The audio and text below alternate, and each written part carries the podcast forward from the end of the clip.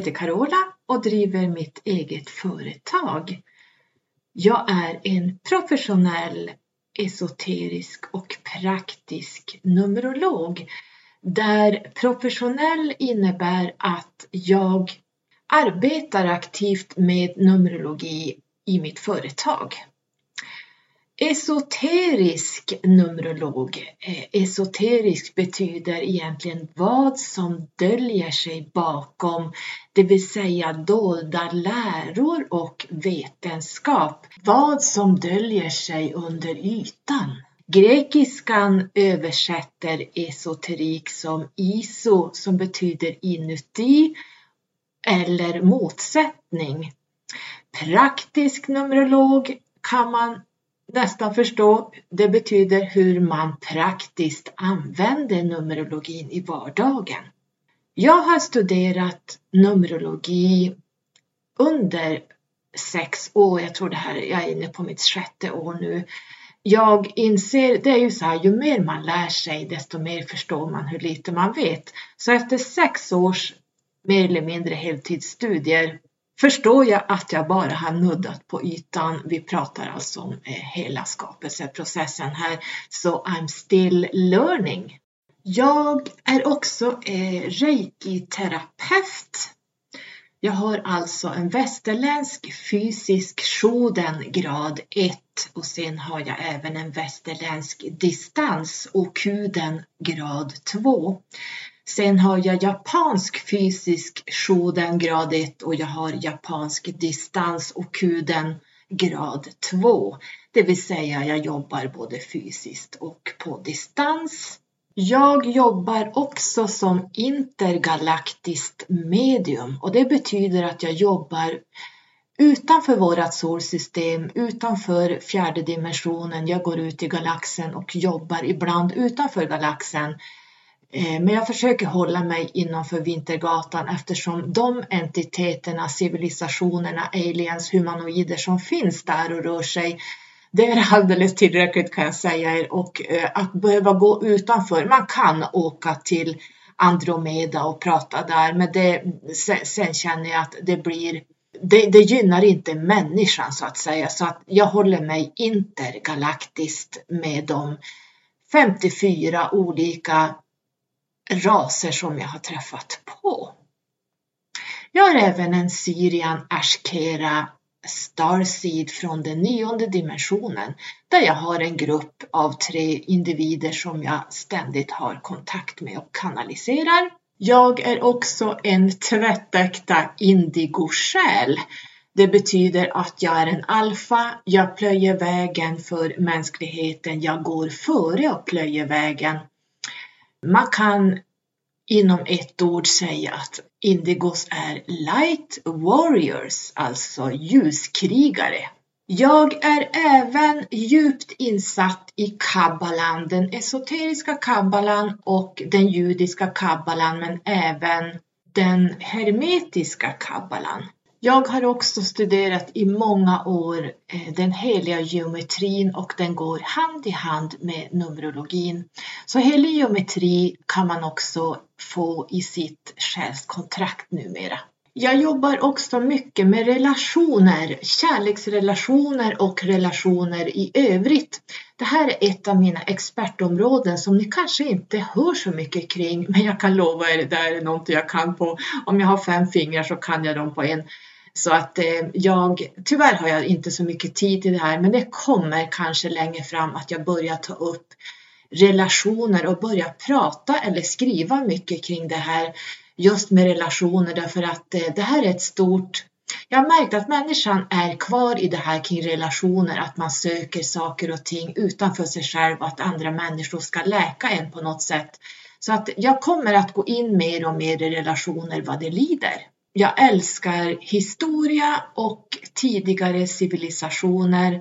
Jag gillar grafisk design, jag är grafiker i botten och kort sagt så är jag en stenbock, mina big three. Jag är en stenbock, solstenbock, jag har en lejonascendent och jag har en månevåg. Numerologiskt, mina big three där är en master 33. Jag har öde så att säga, det jag kommer att bli och vara i det här livet. Det är en sjua. Och min, min själ går ner med ett specifikt syfte som en sexa.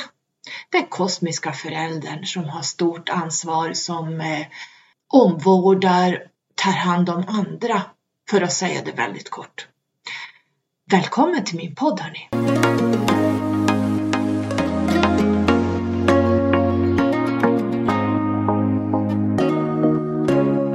Välkommen tillbaka till min podcast. Och jag har nu återgått till mitt eh, andra jobb. Jag har ju två jobb, eller egentligen har jag tre jobb. Men eh, jobbet som jag har ordinarie jobb, det har jag gått tillbaks till nu. Semestern är över, fyra veckor bara svischade förbi. Eh, jag har bara jobbat varenda dag. Jag har jobbat säkert mellan åtta till ibland tolv timmar per dag hela semestern. För, nej, förutom en, två, Tre dagar har jag faktiskt varit ledig på fyra veckor, så att alltid något. Men så är det när man driver ett företag på sidan om och så har man ett ordinarie jobb och så har man en insulinbehandlad diabetes som kräver det är, ett jobb, det är ett heltidsjobb i sig så att eh, jag kanske ska prata om det, hur det är att ha insulinbehandlad diabetes. Det är nog inte så riktigt som folk tror. Det finns många förutfattade meningar och man har inte en susning om vad det är och vad det är för skillnad mellan typ 1 och typ 2. Nåväl, idag ska vi faktiskt prata lite osensurerat, lite question and answers. Jag har fått jättemycket frågor av er. Som ni vet så har jag väldigt lite tid att ta upp sådana här saker. Jag sitter på ett poddavsnitt som jag har förberett mig nu. Jag hade tänkt göra det för flera veckor sedan, men som sagt var, jag har bara jobbat. Jag har inte haft tid. Så det här avsnittet som jag planerar in nu, det kommer att bli, det är ganska avancerat. Så jag måste gå in lite djupare i det innan jag ens kan börja prata om det så att ni vet hur det är. Jag måste vara säker innan jag går ut med någonting. Så att det får vänta. Men idag tänkte jag att jag ska ta upp lite frågor. Vi kör lite question and answers här. Och den första frågan som jag har skrivit upp, det är alltså den nyaste. Eh, sen kommer de eftersom eh, de nyaste kommer först. Jag har det så i mitt block här. Eh, de nyaste kommer först och det var en tjej som jag tror har läst någon av mina månadsguider. Pdf-filerna ni vet ni kunde tanka ner. Där skrev jag bland annat om hur växter kan läka eh, oss. Och hon frågar så här, kan träd och växter känna smärta? Jag tror hon skrev också någonting om att känner de någonting när man plockar dem eller hugger ner träd? Och tro mig, jag som är skogsägare dessutom, jag äger ju väldigt mycket skog i Västerbotten. Jag har gått och funderat på det här. Jag mår riktigt dåligt över att det här med avverkning, ni vet, alltså det är en ständig strid med min pappa och min son. De anser att det är bara avverka och jag bromsar och jag säger nej, ni rör inte den hundraåriga skogen. Alltså ni förstår, jag är ensam i det här och vara skogsägare, det, det innebär att man måste avverka, men jag vägrar. Så ni vet, och jag älskar ju träden, det är ju, ni vet ju växter och träd, ni har ju läst vad jag skriver om i min månadsguide, om det var juni eller juli, jag kommer inte ihåg vilken av dem det var. Men eh, ja, ni skrattar här, men så är det. Ni vet ju att jag har ju även namn, namn och pratar på mina egna växter här hemma. Men frågan är ju då, kan träd och växter känna smärta? Det kan de inte för att de har inget nervsystem som vi har. Men de kan känna ljud. Växter eller träd, de kan växa bort eller mot ett visst ljud och det beror på frekvensen. Gå och titta i skogen eller vars ni nu har träd så kan ni se att vissa träd har inga kvistar eller grenar på en sida. Det beror på att de gillar inte den sidan och de växer bara åt ett håll.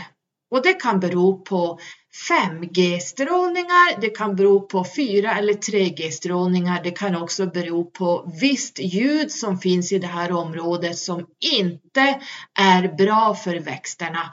Och då vill de inte ta in det här via sina grenar och kvistar så att då slutar det växa ut grenar utan växer bara åt ett annat håll.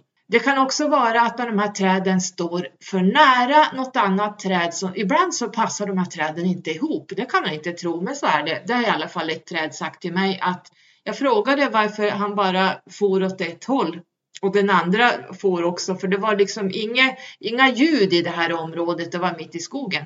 Och då berättade det här trädet att de här två passade inte riktigt ihop. Så de är lite roliga de här. Men så är det med det. Eh, de har ett luktsinne också. Egentligen mera parasitväxter. De kan använda lukten för att hitta de här världarna de ska parasitera på som är till fördel för vilken eh, värld de ska hoppa på och parasitera på och då går de mycket efter lukt.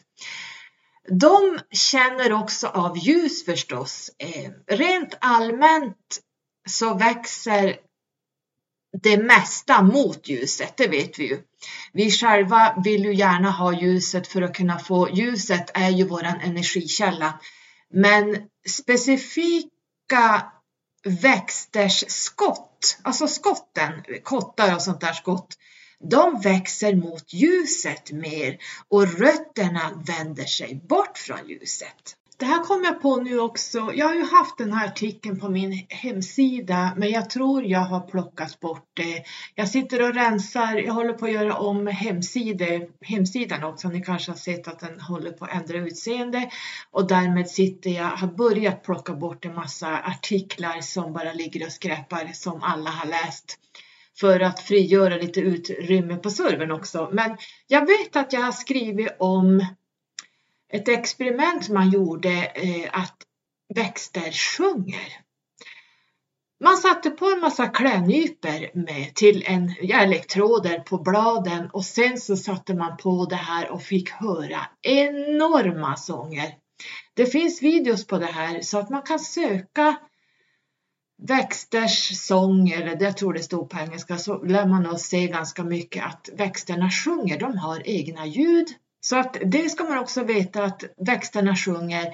Sen är det så här att eh, när du går nära träd så utsöndrar de vissa freoner, skulle man kunna kalla det, att när du går nära så känner de dig som ett hot och då, då utsöndrar de den här eh, energierna, freonerna som gör att de, det läker oss när vi sitter nära de här så det blir en win-win. Precis som att de producerar syre som vi andas in och när vi andas ut koldioxid så vill träden, träden älskar ju, trädväxter älskar ju koldioxid som vi andas ut. Så att det är ett, ett eh, fusion mellan eh, de här, om man tänker sig hur lungan är uppbyggd så ser man att det finns ett gasutbyte i lungorna där gasutbytet sker då Eh, du tar in syre som eh, går in via lungorna, sen går det in ner via kapillärerna och sen ut till hjärtat. Och det går ut i artärerna. Artärerna är de stora blodkärlen som är ljusrött, där vi, som också mäter vårt blodtryck. Och artärerna skjutsar ut det syresatta blodet i kroppen och vad, är det, vad åker då syret på för någonting? Jo, syret åker på de röda blodkropparna. Har man lite blod, det vill säga lite röda blodkroppar, då kan man inte transportera så mycket syre och då blir kroppen man börjar, hjärtat måste börja slå fortare för att få runt det här syret. Eh, man blir andfådd, man orkar inte så mycket, man blir blek. Eh, och då har, när man har för lite blod då måste man fylla på med erytrocyter, det vill säga röda blodkroppar så att syret har någonting, för att de röda blodkropparna skjutsar runt syret i kroppen. Och sen när vi, kroppen, kroppen har syresatt alla celler och det är slaggprodukter som ska ut, då är det venerna som skjutsar tillbaka slaggprodukterna det syrefattiga koldioxidblodet, eller blodet kan man säga, eh, ut via lungorna igen som, som blir vår utandningsluft, det vill säga slaggprodukter och skit som ska ut. Och då andas vi ut det och då vill träden ha det här. Och i sin tur så gör de nytt syre till oss så vi ska, kan andas in. Så att när vi går med munskydd på oss, då står vi och andas in slaggprodukter, bakterier, eh, koldioxid, det vill säga vi har, luften innehåller 21 procent syre, frisk luft. Vi håller nere syrehalten så att vi blir trötta, vi kan få hjärnskador om man går för länge med syrefattigt blod, du står och andas in dina egna bakterier, det är dina slaggprodukter som ska ut en hel dag så att därför blir man jättesjuk skulle jag vilja säga. Jag har själv gått med munskydd i två år nu. Jag har aldrig varit så så lätt att bli sjuk som när jag står med munskydd. Så det ska man också tänka på att eh, växterna är väldigt bra med. Vi, vi har ett gasutbyte med varandra.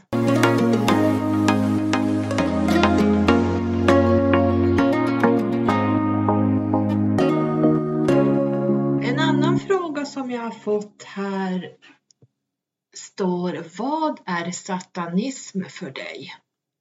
Vi har alltså ordet Satan, vi har Lucifer, vi har Samael, vi har djävulen och vi har en demon eller demoner och sen har vi 666. Jag har skrivit om 666 i Juniguiden.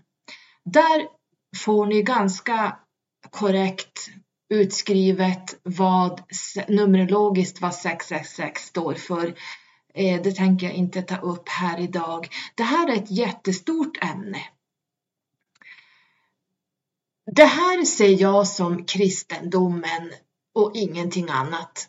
Ehm, det fanns inget sånt här innan kristendomen. Däremot fanns det mörka entiteter, det fanns demoner.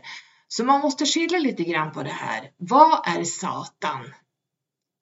Om man tittar på Samael, enligt religionen, kristendomen, så var eh, Samael en fallen ängel som gjorde lite grann som han ville. Han följde inte Guds, eh, ja, då, där han ans Gud ansåg, ni vet en gubbe på molnet. Det sitter tydligen en gubbe någonstans i universum, men vi, så mycket vi har sett, ingen har sett den här guden, ingen kan rita upp den här guden. Eh, så vi vet att det finns ingen gud på ett moln. Men enligt kristendomen finns det en gud på moln då, som har en massa undersåtar då med änglar. Eh, och en gud behöver egentligen inga undersåtar för Gud allsmäktige ska väl ändå klara av att göra allting själv. Och en gud dömer inte och vill ha en massa blodbad och allt vad som håller på och händer här nere. Så det här med, med kristendomen, ni vet, jag, jag, får, jag ser ju rätt när jag hör det här. Men den här Samael enligt kristendomen eh, blev ju en fallen ängel, har varit utkastad ifrån eh, the kingdom eh, uppe i eh, Guds rike där så att han föll ner hit på jorden och eh, ner till helvetet. Och helvetet då enligt kristendomen är ju då ett brinnande inferno där man brinner eh, i evig tid ja, ni hör ju det här är så galet så att det här var ju, det här tror jag var någonting för att skrämma ihjäl människor, att man skulle hålla sig på mattan så att säga, att man inte skulle eh, göra massa dumheter. Så att det, det här var bara skrämselpropaganda. Så det finns ingen Lucifer, Satan som jag ser det, utan eh, Lucifer är ju the, the light bringer, vad heter han, ljusbäraren. Fundera lite grann på varför man kallar honom för det Sen har vi djävulen. Djävulen och Lucifer, Satan, är inte riktigt samma sak. Demoner är absolut inte samma sak. Demoner är någonting helt annat som, ja, eh, om vi säger så här väldigt enkelt, demoner, det är människan ser jag som demoner. Ehm, vi lastar av oss energi vars vi än sitter. Sitter vi i, i samma fåtölj framför TVn år ut och år in så har vi lastat ut väldigt mycket dåliga energier i den fåtöljen och i det rummet. det är därför man ska vara väldigt noga med att köpa loppissaker för att ibland kan man, eller arvegods, för att man kan få in den här skiten i sitt eget hem. Det, det, det heter att det sätter sig i väggarna, det gör det faktiskt. Men vi lastar av oss DNA hela tiden. Celler som faller av, naglar som vi klipper, hår som lossnar, det innehåller vårt DNA. Och var far det här någonstans? Jo, det far ner i jorden. Och när det far ner i jorden så allting bär på ett DNA. Här hamnar vi på första dimensionen, skapelseprocessen och växtriket, jordriket och växtriket. Här under åner av tid så allting som rör sig på jorden lastar av sig både energier och DNA. Så våra träd är uppbyggda, våra träden ser ut som våra lungor. Jag har nyss precis pratat om träden och det, det, det är kopia av våra lungor utseendemässigt men även trädens ringar inuti eh, ser ut som vårat fingeravtryck. Så att träden är jag hundraprocentigt säker på att alla människor som har begravts och dött, deras kroppar som då till slut ruttnar upp och, och det, det, tar jorden hand om. Rötterna suger upp det här DNA, mänskliga DNA. Ehm, och träden får då även mänskligt DNA. Jag vet inte om ni förstår hur jag menar, men så här fungerar evolutionen också att eh, vi är ett med allt. Det har att göra med att vi har DNA. Vi har, vi har DNA av träd och de av oss och så vidare. Vi går tillbaka till Moder Jord och själen går tillbaks till där vi kom ifrån. Det är lite olika vars vi kom ifrån. Eh, kommer vi ifrån fjärde dimensionen, astralplanet, ja då är det dit man kommer att gå. Kanske med en höjning, kanske med en sänkning. Det beror på hur du har jobbat med ditt själskontrakt Eh, de lärdomar du ska lära dig och de höjningar du ska göra i det här livet. Ehm, så demoner för mig, om vi återgår till det, det är människan är det absolut djävulska, demoniska varelsen som vandrar på jorden. Vi tycker att det finns annat som är mer demoniskt, det, det är vi själva som är det. Det finns ingen varelse i universum som har så mycket demoner i sig som människan. Människan är det mest djävulska som vandrar på jorden. Och vi lastar ur oss det här hela tiden. Titta hur världen ser ut. Vi krigar. Vi anser att vi äger länder. Vi anser att vi äger människor. Vi anser vi, vi trampar över lik för att komma dit vi vill. Vi våldtar barn. Vi utsätter människor för våld. Vi krigar och vi dräper och vi slaktar för att nämna några. Det här är bara ett litet utplock vad människan håller på med. Vi förgör oss själva och vi förgör naturen, vi förgör vattnen, vi förgör hela Moder Jord. Så vad är det mest djävulska man kan tänka sig? Jo, det är människan. Och demoner uppstår från allt det vi lastar ur oss genom eoner av tid. Så blir det här till slut entiteter. Och vad är entiteter? Det kan vara energier, frekvenser som vibrerar och som blir till, till liv. Det känns som att jag, det här blir ett, jag känner nu kommer jag in på, nu kommer jag att prata om det här i 45 minuter så jag tror jag stannar där. Jag tror det här får bli ett avsnitt för sig. Vad är satanismen för dig? För att man måste dela upp allt det här. Man måste dela upp Satan, Lucifer, Samael, djävulen, demoner och 666 i olika delar för det är inte riktigt samma sak allt det här.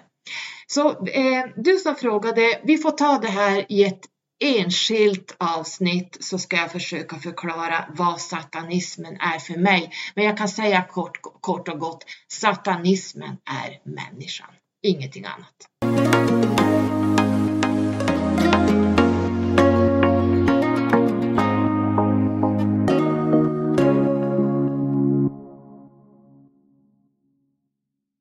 Var det någon som har frågat ganska nyligen. Nu ser jag att jag har inte de här riktigt i ordning.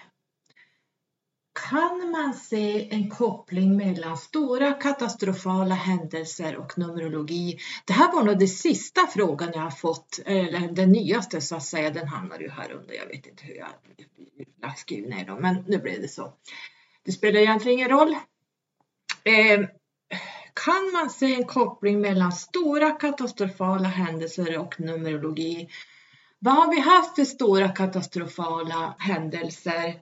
Vi har haft Estonia, vi har haft ja, alla krig förstås, vi har 9-11. Vi kan ta 9-11. Elfte i nionde. Numerologiskt så visst, man kan koppla händelser till vissa numerologiska år och datum, men inte som icke-numerologer tror. Därför att man, man, eh, de som inte är numerologer, de räknar, om vi säger 11 september. Numerologiskt så räknar man inte januari som månad 1, februari som månad 2, mars som månad 3, december som månad 12. Det finns inte i numerologin. Det är betydligt mer avancerat än så. Numerologin följer inte månader så jag kan inte säga att jag är i en ett månad när jag är i januari. Det är helt galet. Så därför håller det inte vad icke-numerologer påstår att den 11 september, alltså att september är månad 9, det beror på vilket år man är inne i. Sen måste man titta, vad hade september för numerologisk månad just det året när 9-11 hände. Sen måste man titta på året och titta roten ur där. Man måste titta vad månaden hade för vibration och där kan man börja bena och titta om det finns connection med andra händelser, det är det här numerologin handlar om. Man kan inte bara ta eh, månad eh, september som en nio månad i numerologin, för det finns inte på världskartan.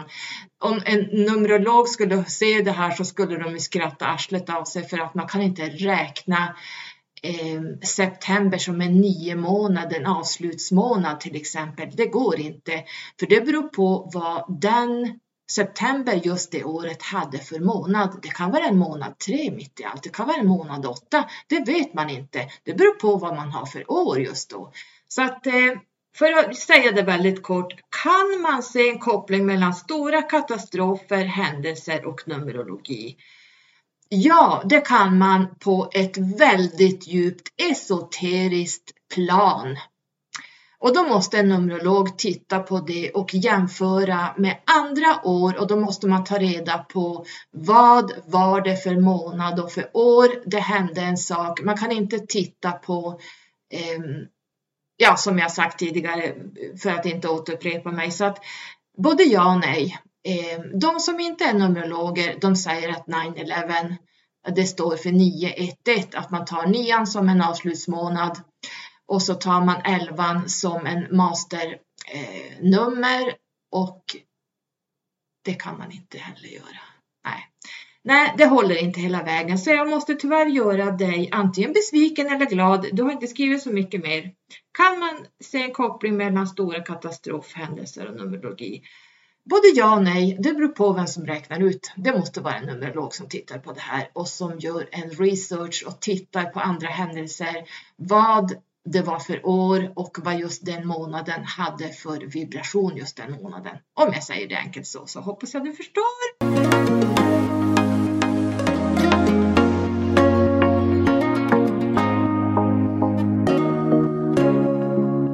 Hej Carola! Attraktionslagen, funkar verkligen den? Du som har skrivit mitt själskontrakt, kan du svara på varför mina manifestationer uteblir? Just det, det var du ja. Eh, tack för frågan. Eh, jag har ju skrivit om attraktionslagen på mina artiklar, dels 2020 och så i år. Men man kan säga så här, attraktionslagen är inte allt och den är lite överdimensionerad det finns någonting som står ovanför attraktionslagen och jag kommer dit alldeles strax. För det första ska man veta att lika söker lika. Ligger du på en låg frekvens och eh, tycker att allt är skit, ingenting är bra, allt bara är patrull, eh, ja men du bara klagar och gnäller och du träffar bara fel män och bla bla bla. Ja men då är det precis det du skickar ut och det är det som kommer tillbaka. Det här kan vi alla. Lika söker lika. Personer som är kärleksfulla, positiva, omvårdnande, eh, hjälpsamma, givmilda, ja, ni förstår den här perfekta människan dit vi ska upp i 5D. det är en sån perfekt människa som inte har något ego kvar egentligen. Och det är ju den perfekta människan dit vi ska. En sån person drar till sig samma personer också. Nu tog jag ju en väldigt eh, speciell människa. Ingen människa har de här egenskaperna i sig. Men ni förstår, jag vill bara göra det lite markant att den andra sidan är en, en person som är väldigt positiv och väldigt glad och väldigt omtänksam och hela vägen. Den kommer att dra till sig sådana människor. Så, så långt tror jag alla vet. Därför att frekvenserna är likadana. Du drar till dig det du sänder ut. Det blir som det här gasutbytet när vi andas ut så tar träden upp våran utandning och skickar tillbaks nytt syre ut så vi kan andas in. Det är precis det, det är as above so below skulle man kunna säga det väldigt enkelt. Då kommer vi in på det lite svårare och det är ju det här. Vi har ju alla de här attraktionslagarna kompensationslagen, vi har attraktionslagen, vi har karmalagen, ni vet alla de här lagarna. Och de bygger egentligen på frekvenser. Det bygger på vad du tänker, vad du säger, vad du gör, vad du skriver, vad du, ja men allt det här eh, vardagligt tal. Och det, det pågår från det du stiger upp tills du går och lägger dig. Det är inte de här topparna att nej men nu har jag gett eh, en, en tiggare här en hundring, nu ligger jag på plus. Glöm det. Därför att när du gav den här hundringen, vad hade du för intention? Var det att du hade ett dåligt samvete? Var det att du ska ses som en bra människa? Det finns alltid lager på lager på lager som vi inte är medvetna om så att är det sådana saker, då kommer du inte få någonting tillbaka i kompensation, utan det är när du ger med hjärtat utan att förvänta dig någonting tillbaka, utan att bevisa någonting för någon annan eller att det ser bra ut i andras ögon. Förstår ni? Om vi säger så här då, för att säga det här väldigt kort. Det finns någonting som står ovanför attraktionslagen och det är ditt numerologiska själskontrakt i ditt numerologiska själskontrakt, jag behöver inte dra dina 14 delar, men du kan ta de 10 delarna. Jag skriver ju två sorters själskontrakt. Jag skriver ett väldigt stort själskontrakt och så skriver jag ett litet mindre i 10 delar. Men det, tio, det som är 10 delar funkar nu också. Och det är lite mera hur, hur de här 10 delarna, alltså du är ett pussel. Och fattas det delar, du vet bara din livsväg men du vet egentligen inte så mycket mer. Då har du, då har du alltså nio pusselbitar borta som du inte har en susning om. Och det här ska du leta hela ditt liv och du kommer aldrig att komma fram. Det är liksom det hardcore här, så är det bara. Och i ditt själskontrakt, det står ovanför attraktionslagen vad gäller dig. Därför att är det meningen, när du går ner och har skrivit ditt själskontrakt här, så har du med dig karmiska skulder. En del, det finns fyra karmiska skulder. Jag har skrivit själskontrakt som jag nästan har gråtit och tyckt fruktansvärt synd om de här personerna. Att lämna tillbaks ett själskontrakt på 50 sidor där jag ser att den här personen har alla fyra karmiska skulder med sig ner. Och jag förstår att de här personerna har ett helvetesliv. Du som har skrivit är en av dem. Du hade också väldigt mycket karmiska läxor med dig ner. Allting är karma. Om vi säger så här, livsvägen du, som du har, den är karmisk. Själen som går ner är karmisk. Själen i sig är karmisk, annars behöver det inte vara här. Karma betyder lärdomar och här har vi Saturnus. Jag har tjatat om det här en miljon gånger, men jag säger det till alla nya lyssnare. Saturnus är karmalagen. Man tar sig inte förbi honom upp i kabbalaträdet. Han står på ena sidan av den här triangeln. När du har lärt dig alla läxor och förstår dem, då tar du dig förbi upp till anden. Då behöver du inte gå ner mer.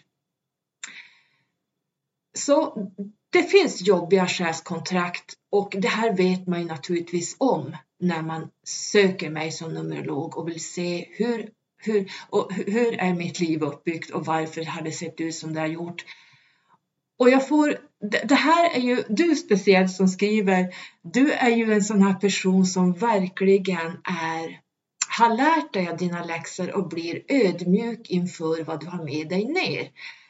Men alla är inte så. En del blir jättetriggade när de får tillbaka sina själskontrakt och tycker att det blir triggat. Eh, det, det väcks upp någonting som har legat gömt där som man inte vill se. Man blir nästan arg på mig för att jag skriver hur det egentligen ser ut. Det blir en, en smash in the face. Det blir en käftsmäll. Så här ser det ut och det här måste du betala tillbaks till det här livet. Och då kommer vi in på manifestation. Varför kan jag aldrig manifestera någonting? Det beror på att du har inte jobbat dig ur dina karmiska läxor. Du har inte gjort klart dem. Du har inte jobbat igenom dina karmiska skulder. De måste du betala igen. Det är det payback time i det här livet. En del har inga, en del har en, två, en del har fyra, en del har tre. Och det här är ju bromsklossar och de här kommer att spela ut sig i olika situationer i, under hela din livstid. Tills du en dag, nu vet jag, nu har jag läst mitt själskontrakt, nu vet jag vad är karmiska, nu står jag i en sån situation. Nu kan jag ändra det här och göra annorlunda. Då kommer det att hända någonting. Det kan också vara att du har en specifik, din själ går ner med en specifikt eh, ämne som den kommer att vilja lära sig och röra sig inom och det är den här inre passionen som vi har. Det vi kan göra i 15 timmar utan att gå på toaletten. Vi kan max behöva dricka en kopp kaffe. Det känns som att det har gått 10 minuter och det, man, det vet jag, jag kan ju sitta jag kan ju sitta 12-15 timmar och det känns som att det har gått en halvtimme. Ni vet, det är helt galet. Då är, det, då är man inne i själen, i själstalet då är man precis där själen har gått ner för att lära sig, för att uppleva och så vidare. Men en del som inte vet vad själen i det här livet har för mission. De kommer att stöta på patrull, de kommer att hamna på fel vägar. Eh, de styrs ytligt, vad som finns där utanför, de styrs av andra, de styrs av regeringar, de styrs av Eh, familjer, föräldrar, sambosar, eh, sociala medier, propaganda. Och då kanske man förlorar 10-15 år av sitt liv innan man väl hittar rätt. Så det här med manifestation beror på vad är det meningen i det här livet att du ska göra, vad du kommer att kunna göra och vad du aldrig kommer att kunna uppleva. Tyvärr är det den bittra sanningen. En del människor glider omkring på ett bananskal genom livet, det vet vi alla. Men vi kan inte sitta och jämföra oss med gräddan, därför att de här personerna, det finns människor, ungdomar, eh, jag vet jag har haft mycket ungdomar i mitt liv där min son till exempel var jätteavundsjuk på vissa kompisar som hade jätterika föräldrar. De, de fick allt serverat på silverbricka. Så fort det blev något jobbigt, så fort de, ja men vad som än hände i deras liv så var pappa eller mamma där och eh, kullade dem och eh, ersatte allting med pengar, saker, eh, kontakter, whatever. De behövde inte göra någonting själv. Och jag har försökt säga till min son, vad lär sig de här ungdomarna med att aldrig behöva göra någonting själv? Att vara i ett sådant liv kommer att skapa väldigt mycket karma i nästa liv om man inte ser upp med välgångarna man har. Gräddan som man åker på, det här bananskalet. De människorna kommer att få ett helvetesliv nästa gång. Ursäkta att jag använder det ordet. Jag har sett det här därför att eh, de ser inte hur bra de har det. De tar inte vara på den här gräddan att vi ska göra någonting för någon annan. All, alla tillgångar vi har, vare sig det är materiella tillgångar eller om det är psykiska tillgångar, inre tillgångar, så handlar det alltid om omvårdnad för andra, för kollektivets bästa. Och ser man inte till att det blir så när man föds med den här gräddan, då kommer du att få riktigt jobbigt liv. Antingen i slutet av livet eller i nästa liv. Så det här ska man vara väldigt uppmärksam på. Så att bara för att någon ser ut att leva på gräddan, Eh, Hollywood-människor och så vidare, börjar man titta i bakgrunden vad de egentligen, hur de egentligen lever, hur de egentligen har det. Man kan vara på topp ett tag, men sen så rasar alltihop. Man kan vara en influencer ett tag, sen är det stopp. Allting går, frekvenserna går alltid upp och det går ner och det går upp och det går ner. Man kan aldrig vara på topp hela tiden. Du kan vara på topp om du ger till kollektivet hela tiden. Förstår ni, det här låter jättetråkigt, men det är faktiskt så här numerologin som är universella lagar fungerar. Så till dig vill jag säga, du har det ändå inte sämst för att du är helt medveten och du kan jobba dig igenom allt det här för att nu ser du i ditt själskontrakt vad det är du ska göra och hur du ska undvika de här fällorna. Och de som inte är medvetna, som inte har någonting i sitt själskontrakt, eller de kanske har saker i sitt själskontrakt men de lever på gräddan än så länge eftersom de är kullade föräldrar eller så vidare. Men till slut så rasar det. Till slut rasar världen och då kommer de här att rasa riktigt, riktigt djupt. En person som vinner fem miljoner den personen har genom sitt liv gett så mycket av sig själv att den får det här i kompensation. Det är det det handlar om. Och man måste även titta på vad finns i själskontraktet? Det kanske inte är meningen att du i det här livet ska vara miljonär. Att du ska vara materialist, att du ska vara si eller så, för att du har andra uppdrag i det här livet. Många gånger, eller nästan alltid, så tittar vi utanför oss själva. Vad gör den där? Jag vill bli som den. Åh, oh, det där ser så coolt ut. Det där vill jag också prova. Och det är det här vi måste bort ifrån. Vi får aldrig söka utanför oss själva. Vi måste hitta vår egen resa och göra det absolut bästa av den. Så attraktionslagen skulle jag vilja säga kommer som nummer två och den kompenserar dig med hur du använder dina förmågor och de tillgångar du får och har. Men de kan lika gärna försvinna nästa dag om du inte behandlar den här kompensationen väl. Så det här ska man kunna prata om hur många timmar som helst, men jag tror jag stannar där.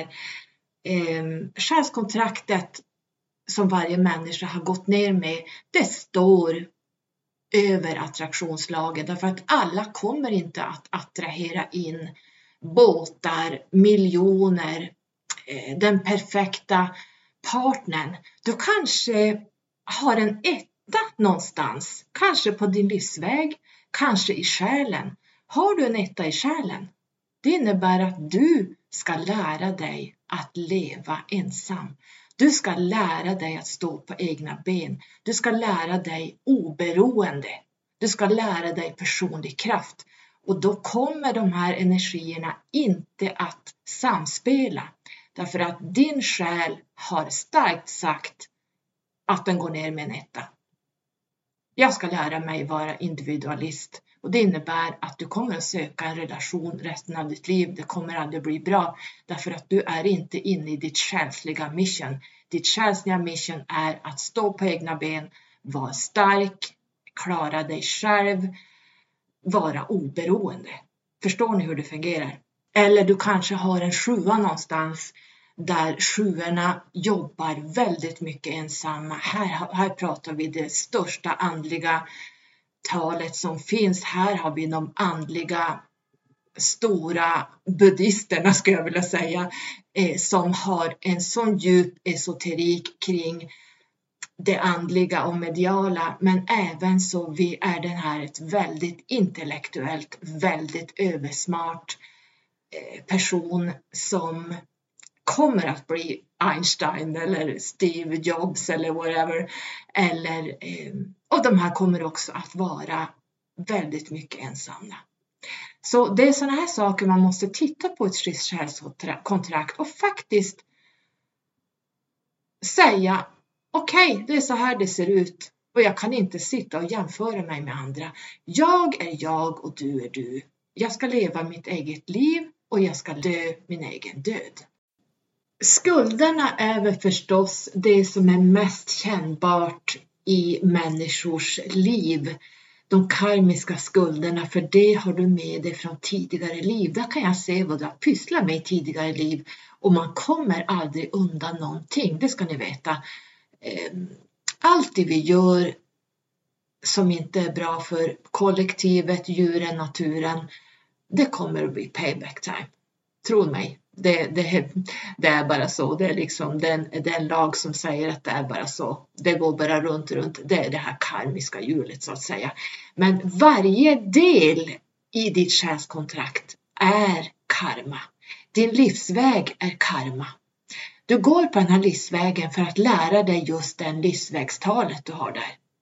Klarar du inte det, då får du kanske lägga den någon annanstans i nästa liv Ehm, och prova ha något annat uppe på livsvägen som kanske gör det lite enklare och så lägger man den här, eh, man flyttar om den här livsvägstalet någon annanstans. Ehm, ödestalet, själstalet, mognadstalet, personlighetstalet.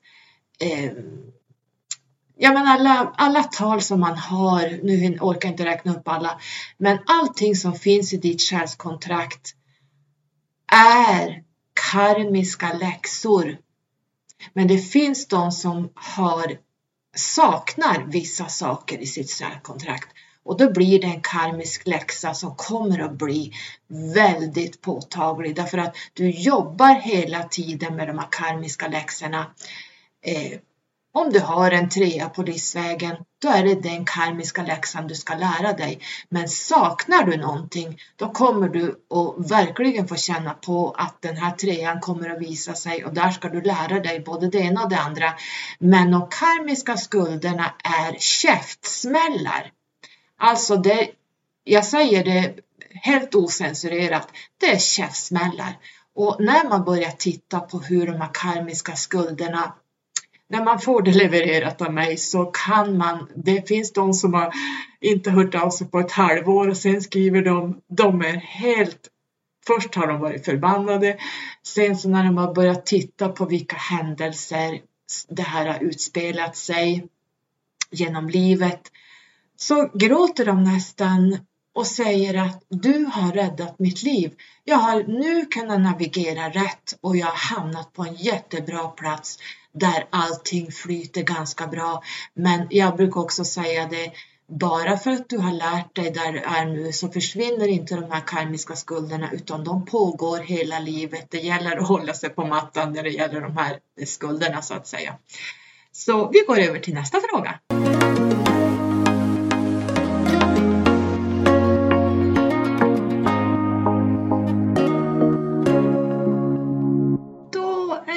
Som har skrivit, eller jag vet ju vem det är, men jag behöver inte säga vilka det är. Eh, då står det så här. 3D till 5D, vad hände med 4D? Just det, du undrar om du ska lyssna på mitt, mina avsnitt när jag pratade om fjärde dimensionen, astralplanet. Men man kan säga så här, tredje dimensionen är det fysiska planet. Det finns ett fysiskt plan och det kallas för 3D. Och i 3D så är man en kropp, det finns fysiska saker, det finns träd, det finns hus, det finns människor, det finns eh, bilar, whatever. Men det, det finns också här allt den lägre människan består av. Ni vet att jag tjatar om kabbalaträdet. Vi, går, vi startar i Keter längst upp och så faller vi igenom hela trädet ner längst ner i Malkut i the Kingdom. The Kingdom är det fysiska planet med allt vad det innebär. Vi har det jättebra här nere egentligen, men det finns korruption, det finns eh, djävulska människor när jag pratade om eh, eh, vad är satanismen och vad är djävulen och allt det här. Eh, det ingår i det här. De som styr världen, det är en programmering vi är inne i och det kallas för 3D Matrix. Och Matrixet är man skulle kunna säga att det är en ridå av en programmering som den sovande människan inte är medveten om. Work, eat, sleep and repeat and then you die. Jag, jag har pratat om det här så många gånger så jag tänker att vi inte kan ta det nu. Jag har väldigt lite tid, jag ser jag pratar 51 minuter står det här. Men bron mellan 3D och 5D heter 4D, fjärde dimensionen. Och det är en bro över som där vi kliver på nu. Många i världen har börjat kliva över och börja jobba sig upp mot anden.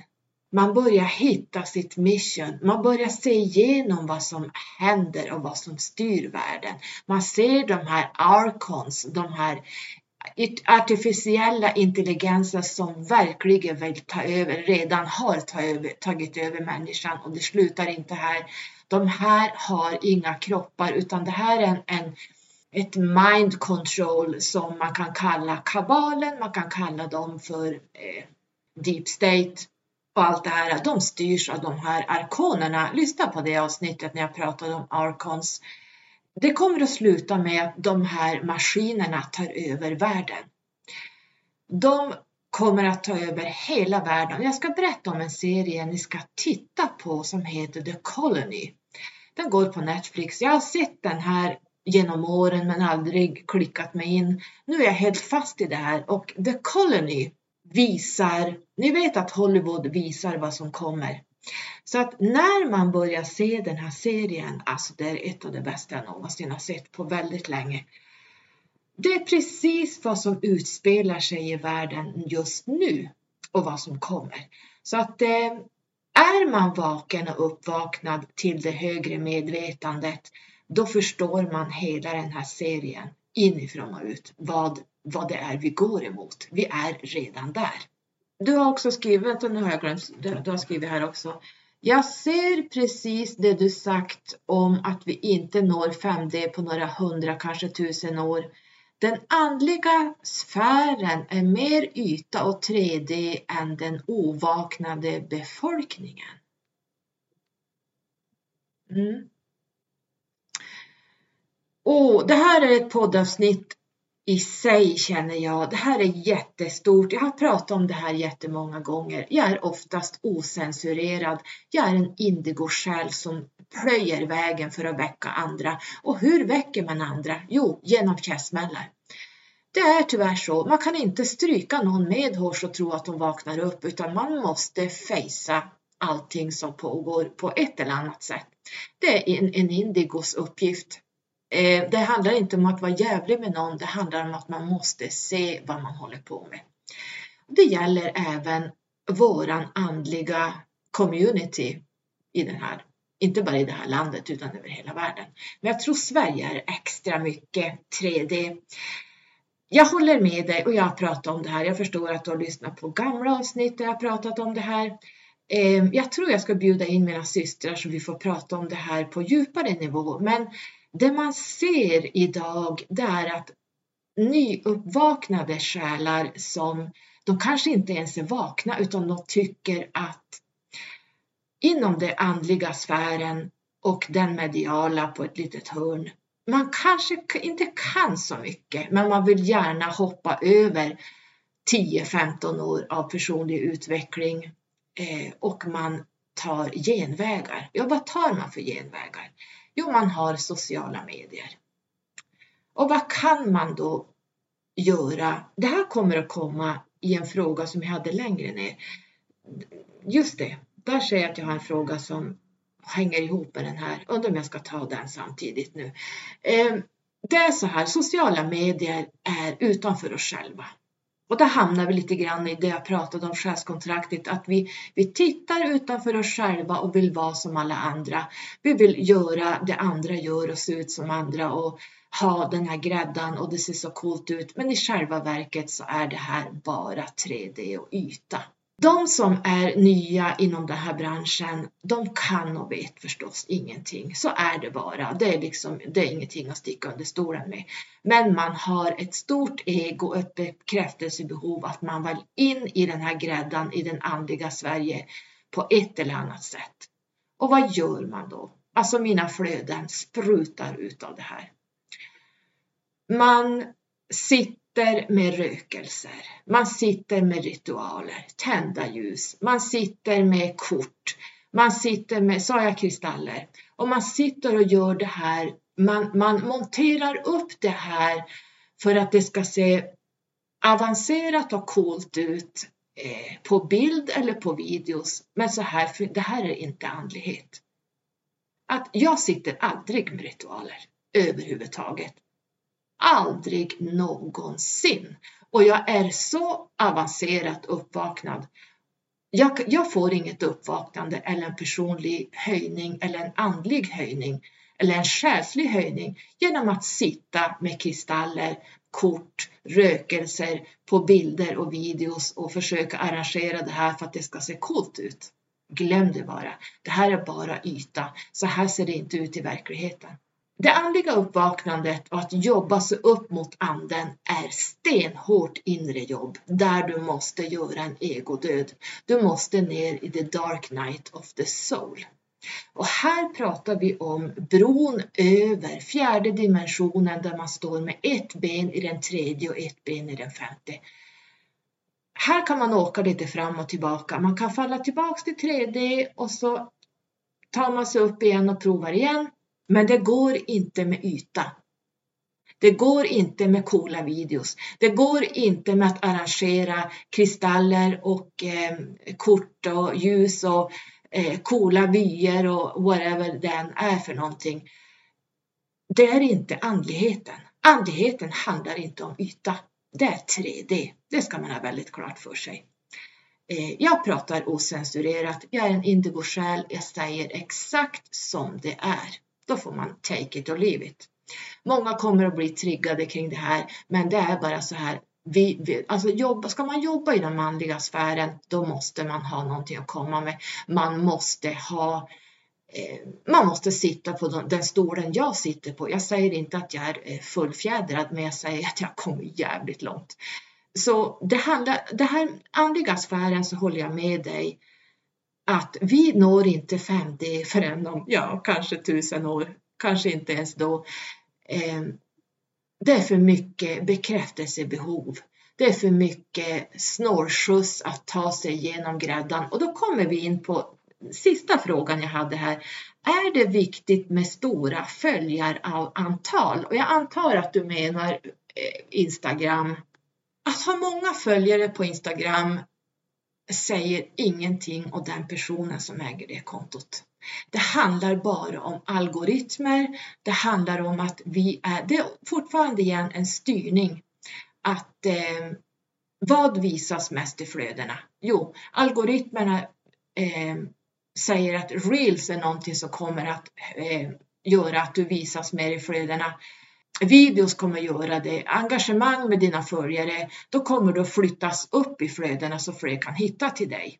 Men är man som jag att man vägrar följa algoritmer, jag såg en annons, jag tror det var Eniro som hade en annons där jag skrivit varje gång den dyker upp på Facebook, så står det någonting om att eh, Vet du vad Google prioriterar? Prioriterar Google din hemsida? Vad ska du göra för att Google ska prioritera dig? Och jag svarade i kommentarsfältet. Det är Google som ska, som ska prioritera mig. Det är inte jag som ska följa efter vad Google anser att jag ska göra. Jag har ju nytta i personlighetstalet, ni förstår, jag går min egen väg, plus att jag är indigo, plus att jag är starseed, så ni förstår, jag står med släggan ständigt och jämt och trycker ner sådana här jävla jättar som försöker styra människan att eh, följ Googles och Instagrams algoritmer så syns du mer, vi prioriterar upp dig. Den som håller på med den här sortens av verksamheter, de är, de är slavar under de här eh, sociala medierna som styr människan. Det här är artificiell intelligens som mind controls, alltså det här är hjärntvättning. De tar bort ditt egen person, de tar bort din personlighet. Du ska göra så här, annars kommer du inte att synas. Jag skulle kunna prata, vi tror vi får göra specialavsnitt kring det här, men för att återgå då till det här att eh, följarantalet är som så att det kan finnas personer som är så fruktansvärt kompetenta, som är så andligt och mediala uppvaknade och uppstigna att ja, ni förstår, jag, jag hittar konton när jag bara nästan har ramlat från stolen och de har kanske 300-400 följare. Men de har inte det här behovet av att följa algoritmerna och göra som Facebook eller Instagram säger. Eller Google säger. De går sin egen väg. De vet att jag kommer att få de kunder som jag ska ha oavsett följarantal. Mitt liv och min profil handlar inte om att jag har 1500, 3000, 11 000 följare. Det är bara löjligt. För de som har många följare, de har oftast ingenting i bagaget om det inte är en väletablerad person som Corey Good eller eh, Phil Good till exempel. Eller Laurie Ladd. Det är personer som har jobbat sig uppåt med deras kunskaper. Men de här som inte kan ett skit, de har inget eget koncept de måste hyra in folk för att överhuvudtaget kunna leverera saker som eh, människor som har sitter på kunskapen. Eh, ni förstår, det här är affärsverksamheter, att komma någonstans, att åka på en snårskjuts in. Men när det kommer till kritan så kan de här ingenting. De har ingenting i bagaget, de är inte specialister på något område. De har ingen erfarenhet av någonting. Så att, nej, det är inte viktigt med stora följaravtal, avtal, antal.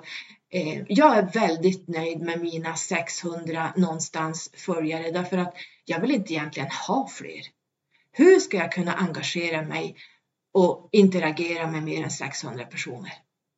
De, de som följer mig, de följer mig av en anledning. Och det är oftast att de är på samma resa som mig. De är intresserade av det jag levererar. Jag är inte ute efter att få nå 5, 6, 7 tusen följare. Jag, det, skulle, det skulle inte...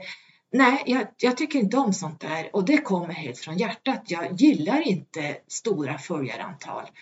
Så är det bara. Utan jag ser hellre ner på dem som har en stora följarantal för jag vet att det ligger manipulation bakom. Det är stängda människor som inte eh, står i sin egen kraft. De kan egentligen ingenting förutom de här etablerade eh, duktiga personerna som har tagit sig upp. Så eh, det här kan kännas tungt att höra men det här är fakta. Eh, arrangerade bilder och videos där det bara återkommer samma tema. Eh, rökelser, kristaller, att man sitter i en ring och man gör eh, meditationer och man, man eh, allt vad de nu pysslar med, ritualer, det var det ordet jag menade, att man gör ritualer. Nej, det finns personer som kan ritualer och de är etablerade och de har oftast väldigt mycket i bagaget, mycket kunskap. Det är inte dem jag pratar om. Så att det, det var två frågor i en smäll. Så att om vi går upp till den första frågan Eh, vad händer med 4D? Vi är i 4D. De, mest, de flesta i det andliga Sverige är på 3D. Det handlar bara om yta, hur man ser ut. Eh, hur man ska visa sig på bild. Eh, ja, ni förstår, det, det, man lägger allt fokus på det ytliga, hur man ser ut, hur man klär sig, hur man, ja men ni förstår det här. Eh, när det blir i fokus, då är det 3D, då är man inte uppvaknad. Så lär er se vilka som jobbar på 3D, vilka som inte ens har tagit sig med ena foten i 4D. Så går vi över till nästa fråga.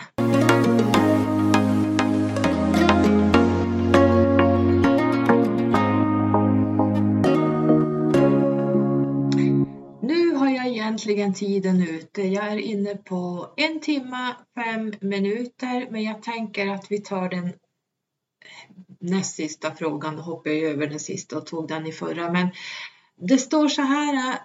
Vad är Starseeds kontra Indigo? Ehm, det är rätt lika varandra men det är hur ska jag säga, Starseeds är betydligt tuffare, betydligt tuffare. Sofie J.A.s visdom har öppnat en Youtube-kanal där hon har pratat i sitt första avsnitt om indigosjälar, kristallbarn och diamantbarn tror jag det var. Där kan man lyssna vad en indigo är för någonting. Där har ni mig, jag vinkar, hallå hallå! Eh, jag har även skrivit om indigo. Jag har den artikeln på min hemsida men den ligger privat. Ehm, jag har även skrivit om kristallbarn och så där regnbågsbarn snedstreck diamantbarn. Men de ligger privat nu därför att eh, det blev för eh, mycket kopiat och sådär så att ibland måste jag stänga ner alla Starseeds sidor är också nedstängda för att det blir för mycket kopiat. Men eh, eh, vill man veta mer om indigo så ska man lyssna på Sofie Gias visdom, hennes Youtube-kanal där hon pratar just om indigo. Hon är väldigt påläst, så lyssna där. Starseeds är ju ett hett ämne. Eh, jag har pratat om det många gånger. Jag har skrivit om det ännu mer gånger. Jag har bjudit in mina galaktiska systrar och pratat om det här och det är fortfarande ett hett ämne. Problemet är att Starseeds är inte det folk påstår.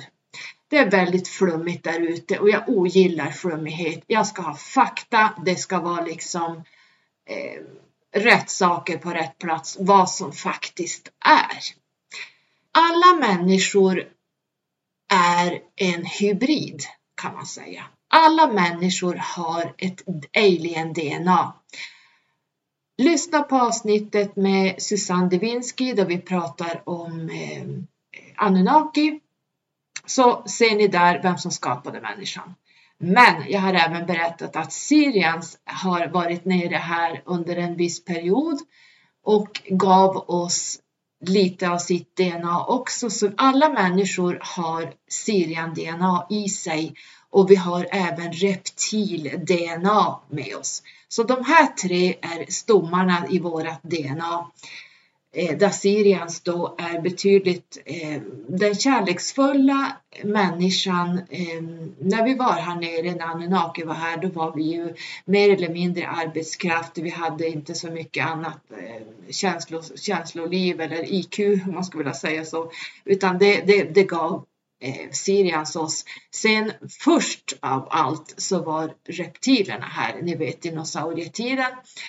Ehm, det känns som att jag återupprepar mig som en grammofonskiva, men jag säger det här till alla nya. Reptilerna var här först och eh, vi har reptil-DNA i oss också. Jag har skrivit en artikel kring varför vi, vi eh, många av er tror jag hann läsa den när jag skrev om hur det blev att reptilerna blandade sig i vårt DNA. Det hinner jag inte ta idag. Men, eh, och där har vi våran lägre egobaserade eh, sida som kommer fram som vi ser i det andliga Sverige idag. Och i, i övriga Sverige så ser vi det här eh, korruption, äganderätten, eh, habegär, eh, bekräftelsebehov, eh, gå över lik för att ta sig dit man vill, synas och höras och äga länder. Ingen jävel äger något land överhuvudtaget. Vi är loppor, som jag sagt för flera år sedan, på Moder Jords rygg. Hon kan bara skaka av sig oss när hon vill. Vi är loppor på hennes rygg som förstör och förgör henne. Så ingen ska tro att man äger ett land. Glöm det bara. Det finns ingen som kan äga ett land. Det finns ingen som äger sitt hus. Nu hamnar vi på sidospår här. Det är Moder Jord som äger allting och vi ska bara vara jävligt tacksamma för alla, allt det vi har och det hon eh, erbjuder oss eh, på den här jorden. Men det är eh, den reptila, ja, reptilhjärnan kanske jag har hört talas om. Det är den här destruktiva, lågfrekventa, hatiska människan. Det, det är eh, reptil-DNA som tar över en människa. En del har mer sånt DNA, en del har mer Syrian-DNA. Så är det. Så Starseeds eller egentligen alla människor har då alien-DNA, alla människor är hybrider. Så långt tror jag alla vet. Och vet man inte det så får man veta det nu. Sen finns det starseeds som är här i olika mission. Och det är en procent av befolkningen. Det är väldigt få som är här som har varit här tidigare, man kan alla galaktiska krig, man kan alla civilisationer, man kan allt det här. Alla koncils kan man, alla federationer kan man. Man vet vilka som är äkta och vilka man ska passa sig för. Man kan alla de här raserna och civilisationerna. Eh, man har minnen, man eh, har kontakt, man blir faktiskt uppväckt av sina grupper som faktiskt kliver in och väcker upp en när det är meningen att man ska vakna. Jag skriver om det här i Juniguiden, lite djupare kring det här. Eh, så att det är väldigt få människor som är starseeds och starseeds är stenhårda. Starseeds gör ett mission som inte den normala människan klarar av. Inte ens indigos klarar av det här missionet eh, och har de här egenskaperna. Jag tror vi får ta det här i ett separat avsnitt vad en starseed egentligen sitter på, men det är inga personer eh, som sitter och gullegullar med, med en massa meditationer och eh, sitter och, och försöker sprida kärlek till världen. Det är däremot kristallsjälar sitter med det här. Det är ljusarbetare. De har inte något stridis i sig. De är oftast väldigt konflikträdda, de kan inte ta en fight, de backar undan så fort det blir jobbigt, men de håller frekvensen. Det är därför så många av de här kristallbarnen har det jättejobbigt här nu, därför att de kommer ner med den här ljusa energin ner. Det är en annan typ av befolkning. Lyssna på vad Sofie säger. Eh, hon bekräftar det här också i sina videos. Ehm, det blir rätt tufft för dem att komma ner hit. Det är därför vi har så många barn som har fått diagnoser. Jag anser att det finns inga diagnoser.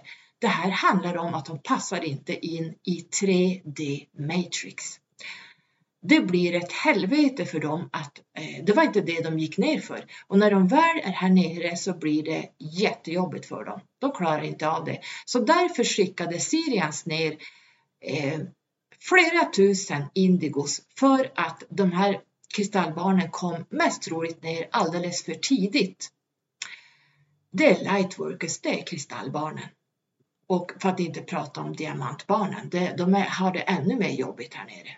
Indigos skickades ner. Jag skrev om det här på Instagram, men fråga mig inte vilket år.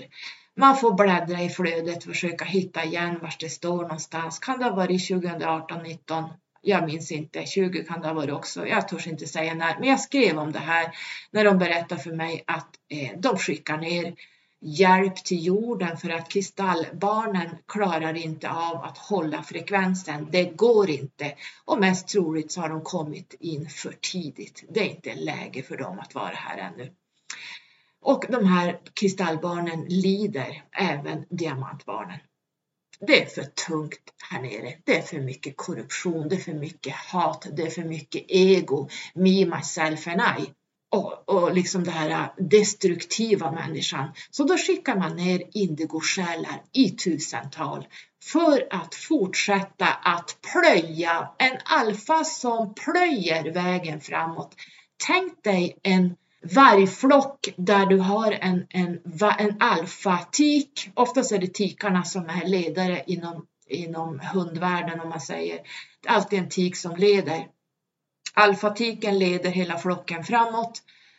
Hannarna har inte så mycket att säga till om och hon går alltid, när de är på stora vandringar så går alltid den här alfatiken och plöjer sig genom djupsnön hon gör det tunga jobbet, hon kollar vägen framåt hela tiden åt alla sidor. Finns det något hot? Finns det någonting som jag ska möta före flocken möter det? Det är en alfatik. En indigo jobbar på precis samma sätt.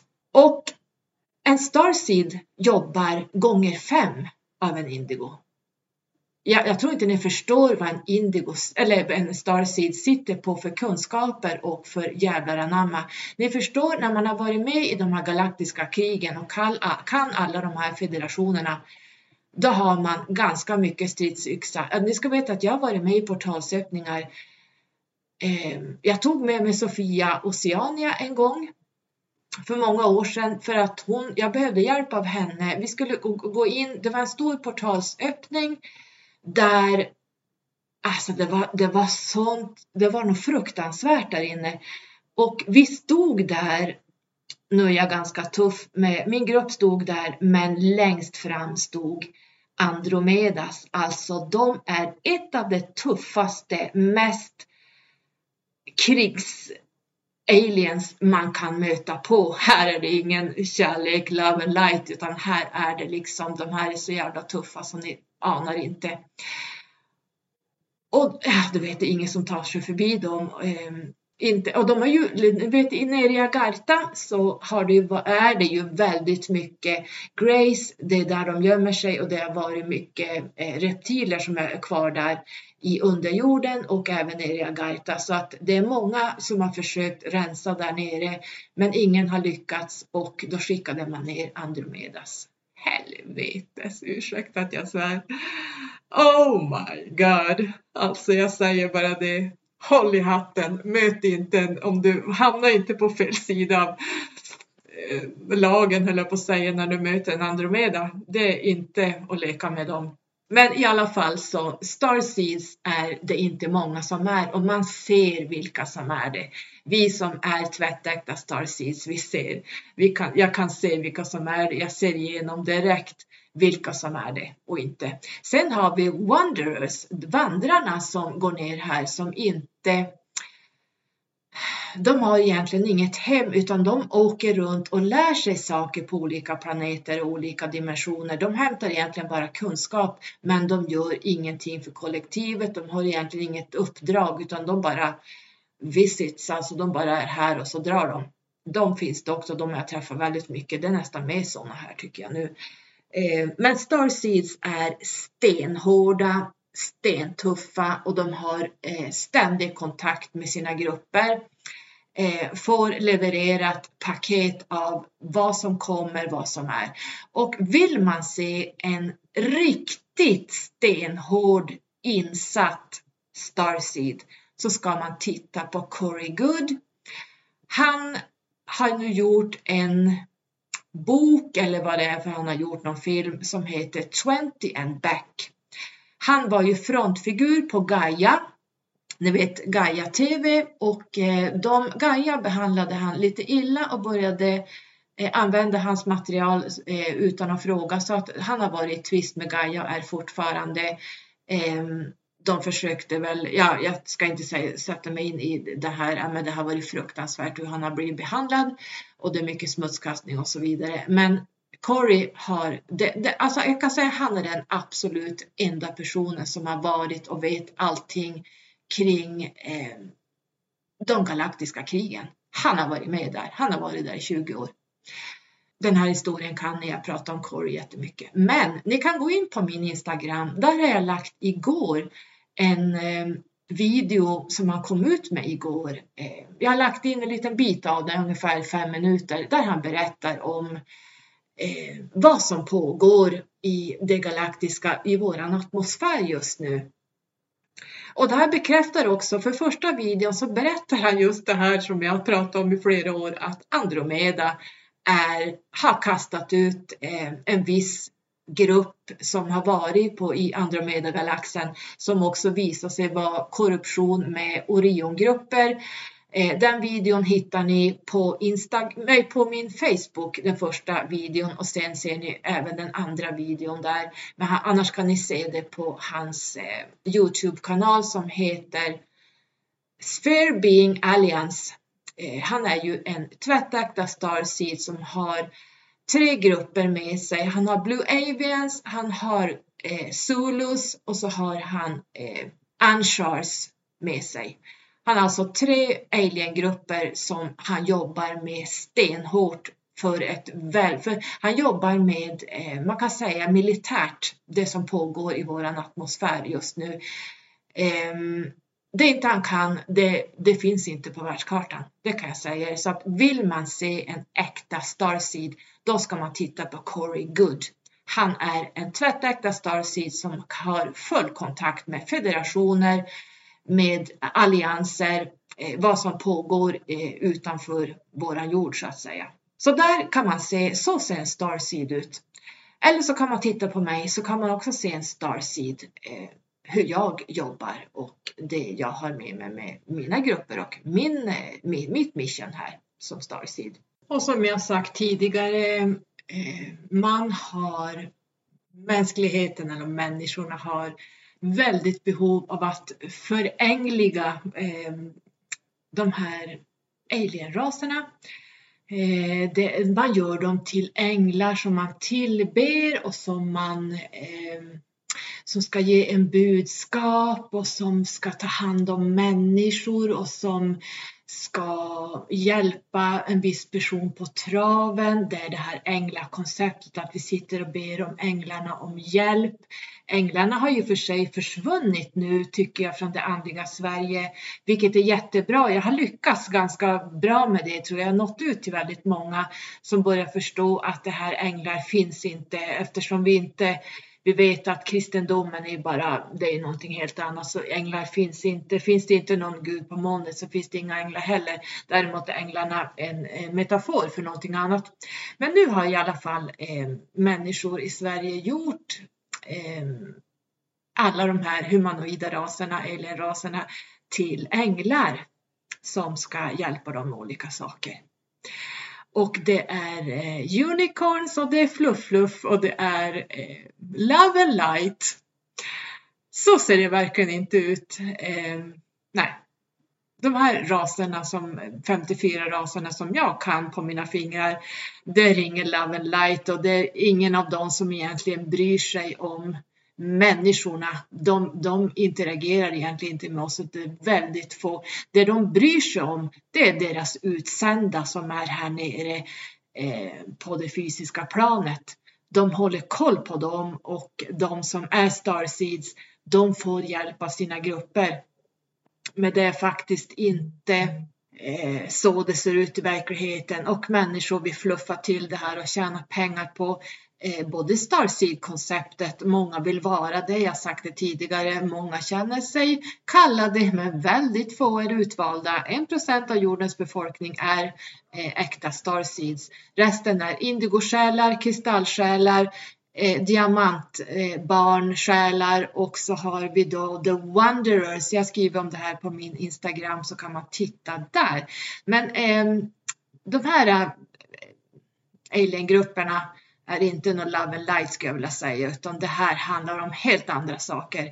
Vill man veta vad det är som pågår så tycker jag du ska tona in dig på Corey Good. Han berättar precis vad det är som pågår bakom kulisserna och vilka regeringar som interagerar med Oriongrupper och så vidare som man absolut inte vill ha att göra med. Sen vet vi också att Galaktiska federationen av ljus, GFL, är ja hur ska jag säga det, de, de är inte, det, det, det, är en federation som är fake. Eh, den riktiga federationen heter Galaktiska federationen av världar, GFW. Men det är, inte, är man inte en Starseed så vet man inte det här, utan det blir liksom man, man, man kopierar av andra och tror att det är så och så, så tror man det är så och så fantiserar man ihop att ja, men det här, man kan göra quiz och då är jag en Starseed och gör en quiz om de här egenskaperna.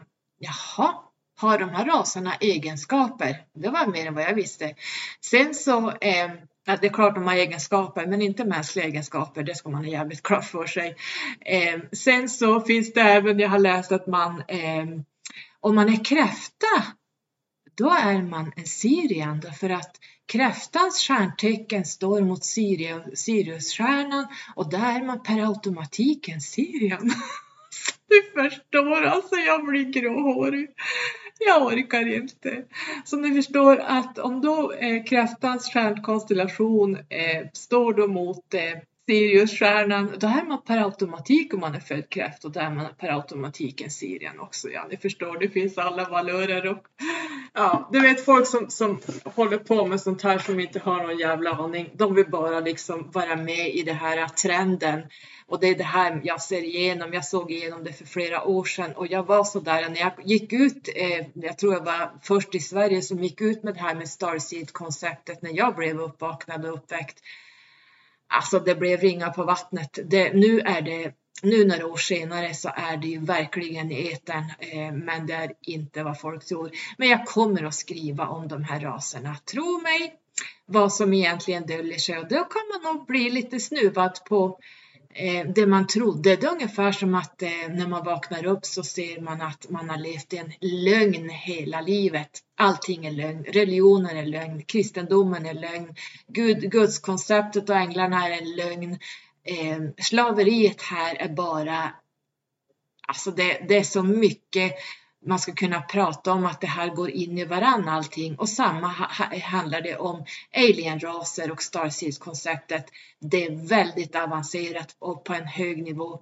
Så det är inte många. Jag ser direkt vilka som är Wanderers, vilka som är Starseeds och vilka som är Indigos, vilka som är kristallsjälar och vilka som är, är diamant. Vad heter de?